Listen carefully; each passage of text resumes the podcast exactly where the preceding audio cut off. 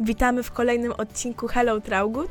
Przy mikrofonie Maja Sołtysik, a ze mną jest Aleks Małachowski, Hej, cześć. który jest specjalistą od grania na gitarze. Ma na swoim koncie wiele koncertów, sukcesów także, może niekoniecznie takich z medalami, chociaż o sporcie również pogadamy. Na samym początku chciałabym Cię zapytać, jak to się w ogóle stało, że Ty zacząłeś grać na gitarze?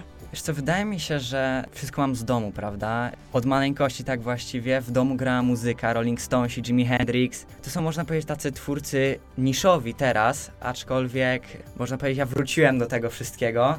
I wydaje mi się, no od tego się chyba wszystko zaczęło. Czyli w Twoim domu muzyka grała od zawsze? Tak jest. I czy do tej pory tak jest? Oczywiście, że tak. A czy teraz masz większy wpływ na to, co na przykład słuchają twoi rodzice, co puszczają w domu? Wydaje mi się, że nie. Każdy słucha czego, e, czego chce. W takim razie, jakie były twoje największe inspiracje? a Jakie teraz są twoje największe inspiracje? I czy to są na pewno jakieś takie duże gwiazdy, czy niekoniecznie? Wydaje mi się, że jedną inspiracją, która została już wymieniona, jest Jimi Hendrix oraz wydaje mi się, że Keith Richards z, z Rolling Stonesów. Wydaje mi się, że takich twórców, którzy można powiedzieć są trochę młodsi od nich, tak w przedziale wieku na przykład 20-40 lat to raczej nie mam. No, wydaje mi się, że to, że to wszystko, te dwie osoby właśnie, te specjalne, które można też powiedzieć, oprócz rodziców, zaszczepiły we mnie tą taką miłość do muzyki, do grania na gitarze. Jednak musisz przyznać, że od samego słuchania muzyki, a do grania jest jeszcze długa droga, więc kiedy dostałeś pierwszą gitarę? I czy sam ją chciałeś w ogóle?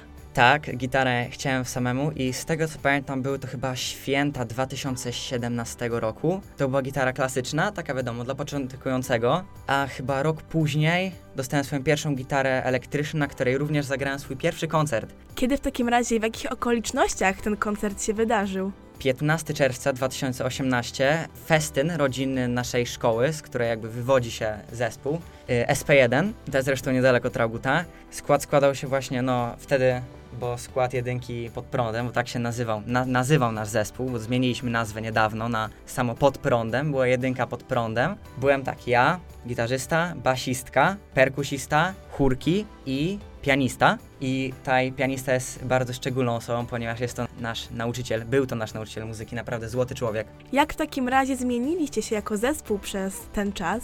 Bo to było naprawdę dawno temu. I jak teraz funkcjonuje wasz zespół? No, rotacji było bardzo dużo, ponieważ mieliśmy na początku basistkę, teraz mamy basistę, który jest z nami już od ponad tych czterech lat, pięciu może nawet. Mieliśmy jeszcze gitarę klasyczną, której aktualnie nie mamy już. Jeżeli jesteśmy na przykład w studiu i nagrywamy nowe utwory, to ja gram obydwie partie, czyli gitarę, można powiedzieć, lida i ry y, rytmiczną gitarę. Nie jest to łatwe, no ale cóż, no trzeba sobie radzić jakoś samemu. W jaki sposób tworzycie utwory, nagrywacie je? Czy to są wasze utwory autorskie, czy bardziej jakieś covery? I w ogóle macie własne studio? Studia jeszcze własnego nie mamy, nagrywamy tutaj w lokalnym, w Częstochowie. Jeżeli chodzi o tworzenie utworów, można powiedzieć, jest to praca domowa, czyli na przykład w domu wszystko układamy. Nie przepadamy za tworzeniem utworów metodą, że wszyscy przychodzimy na próbę, y, podpinamy wszystkie swoje instrumenty i po prostu każdy coś dorzuca od siebie. Nie przepadamy za czymś takim. Czy trudno wam się było zgrać i czy w ogóle zgranie zespołu jest ważne? Zgranie zespołu jest bardzo ważne, czyli to jest mniej, między innymi to, czego uczył nas Janek Głowacki właśnie, czyli nasz pianista, nauczyciel. To jest tak właśnie nauka, która się nigdy nie kończy, czyli on nas uczył, jak pracować ze sobą nawzajem. Oczywiście na początku to nie było trudne, ale jak się już rozkręciliśmy te 2-3 lata później, można powiedzieć, e, szło jak spłatka. A czy skład, w którym gracie koncert, w którym tworzycie, ma wpływ na faktyczny efekt końcowy? Czy na przykład wszyscy razem po koncercie, który razem zagracie, jesteście zadowoleni, jakoś go podsumowujecie? Wydaje mi się, że to jest różnie. Każdy jest, każdy patrzy, wydaje mi się, tylko na siebie, ale też również na całokształt zespołu. Czyli na przykład ja mogę być zadowolony z występu całego zespołu, ale do końca ze swojego występu nie mogę być zadowolony. No, wydaje mi się, że, że to tak to wygląda. A ile kosztuje cię samo granie na gitarze? To znaczy, ile wolnego czasu, ile też takiego czasu poświęconego na szkołę musisz poświęcić, aby ćwiczyć swoje granie? A to jest e, ciężkie pytanie, tak? Ponieważ teraz jak człowiek poszedł do liceum, no to wiadomo tego niestety. Czasu na gitarę jest o wiele mniej. Ubolewam nad tym, no ale staram, staram się to jakoś, prawda, pogodzić. Tak nie, nie, jest to, nie jest to wcale łatwe, ale trzeba sobie po prostu poradzić jakoś. A czy miałeś coś takiego, że stwierdziłeś w danym momencie, bo grasz już dłuższy czas, że stwierdziłeś, że może teraz jesteś bardzo dobry i to nie czas na naukę, tylko na pokazywanie się. Chodzi mi bardziej o to, że to jednak ważne, aby cały czas się szkolić i czy kiedykolwiek myślałeś o tym, że jesteś najlepszy? Wiesz o co mi chodzi? Tak, wiem o co ci chodzi. Myślałem tak do pewnego momentu, dopóki nie spotkałem się w cztery oczy z moim nauczycielem gitary, nowym, bo ty, ponieważ teraz miałem dwóch nauczycieli. U jednego opanowałem podstawy, drugi dał mi już w kość. Jak wszyscy jego uczniowie mówili, ja oczywiście tam machnąłem ręką na to, ale wszyscy mówili, że z pierwszej lekcji wyjdziesz z płaczem i w ogóle z niechęcią do grania na gitarze. Oczywiście tak było. No i on mi pokazał, że no potrzeba trochę więcej pokory w życiu, że nieważne jak dobrze grasz, zawsze jest coś do dopracowania. A jak bardzo napędza cię motywacja? Bo nie ukrywajmy, jeśli po takiej lekcji byś wyszedł bez tej swojej wewnętrznej motywacji, to raczej byś do grania na gitarze nie wiem, czy wrócił, czy byś miał jakąś dłuższą przerwę. Więc jak ważna jest motywacja i takie samo zaparcie? No, według mnie jest naprawdę bardzo ważne, ponieważ tak właściwie dzięki motywacji, jak i zresztą też dyscyplinie, no, udaje mi się, prawda, pójść do przodu z tą gitarą. Czyli tak jak wspomniałaś, no, nie zatrzymałem się w tym jednym miejscu, czyli nie zrezygnowałem, kurde, powiedziałem sobie, nie no, ten nauczyciel, on nie jest dla mnie, tylko stwierdziłem, Mhm. a może warto jednak pójść trochę do przodu, no i mi się opłaciło. Poszedłem do przodu, nie dużo, ale no to jest jednak też proces długotrwały, taka nauka. A patrzysz na samo granie jako na taki właśnie powiedziałeś, że dłuższy proces, czy bardziej czekasz na takie szybkie sukcesy? Czy na przykład bardziej cieszy cię jakiś, jakaś pochwała, jakiś koncert, czy jakiś progres, który widzisz patrząc do tyłu? Wydaje mi się, że progres i koncert zdecydowanie. A masz jakieś plany na koncerty? I na przykład, który koncert jakoś najcieplej wspominasz, który udało ci się zagrać?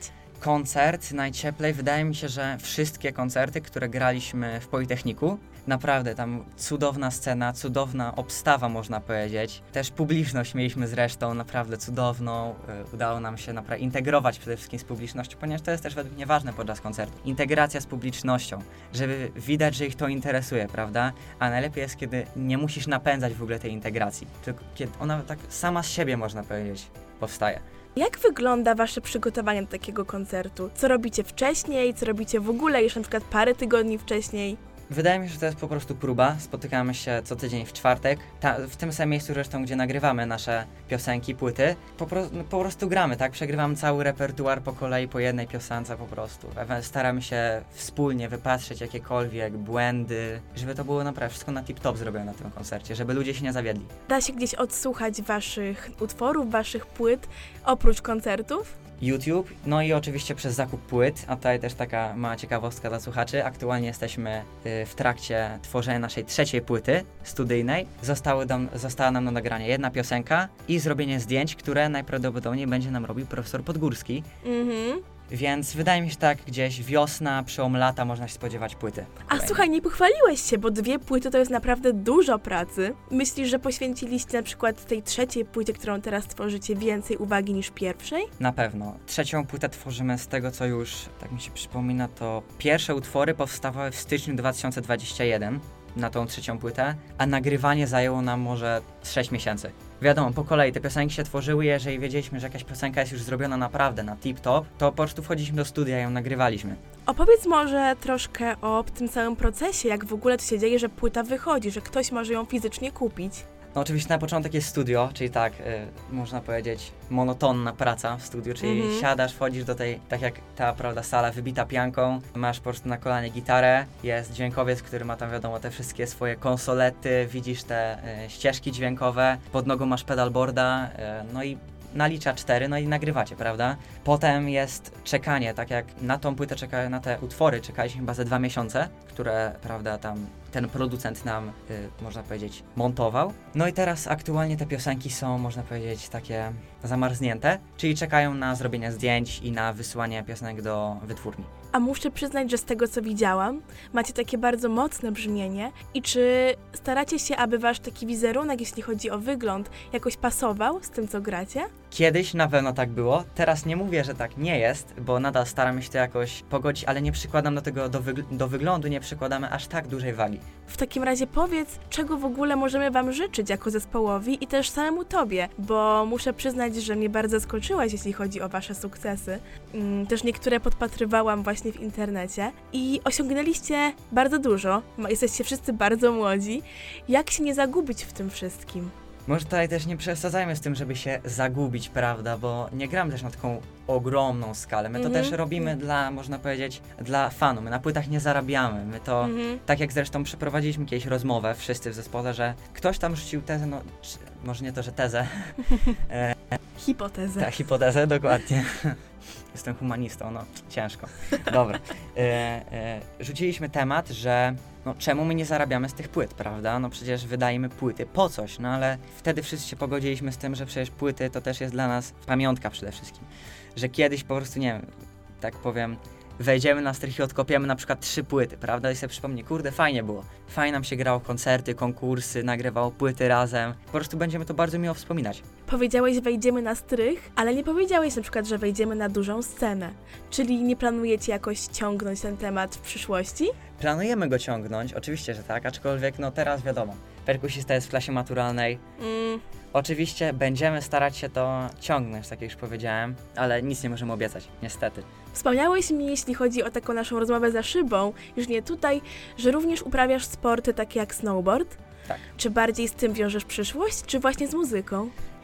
Przyznaj To się. jest bardzo ciężkie pytanie, to jest bardzo ciężkie pytanie. Niestety wydaje mi się, że muszę powiedzieć, że tak. Ciągnie mnie do y, tej prędkości, którą możesz osiągnąć na desce, do tych wysokości, które możesz osiągnąć, wyskakując na niej na przykład. Tak samo na, na wake, na wake skatingu, czyli coś rzecz podobna bardzo snowboard, tylko że na wodzie. Naprawdę no, o prędkość chodzi, chodzi o prędkość, chodzi o tą, można powiedzieć, że niesie cię ten stok na przykład, ten ubity, ciężki śnieg. To jest dla mnie cudowne, naprawdę.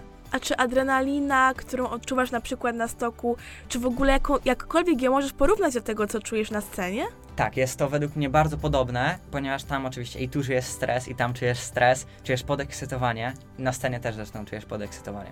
W takim razie, słuchaj, życzę Ci nie tylko Tobie, ale również całemu zespołowi dużo takiego pozytywnego stresu i takiej ekscytacji. Tobie nie tylko na scenie, ale również w takim razie na stoku. Mam nadzieję, że jakoś uda Ci się połączyć te dwie ścieżki, które się troszkę wykluczają, ale jednak troszkę nie. I czekamy na trzecią płytę, słuchaj. Czekamy. Dziękuję bardzo.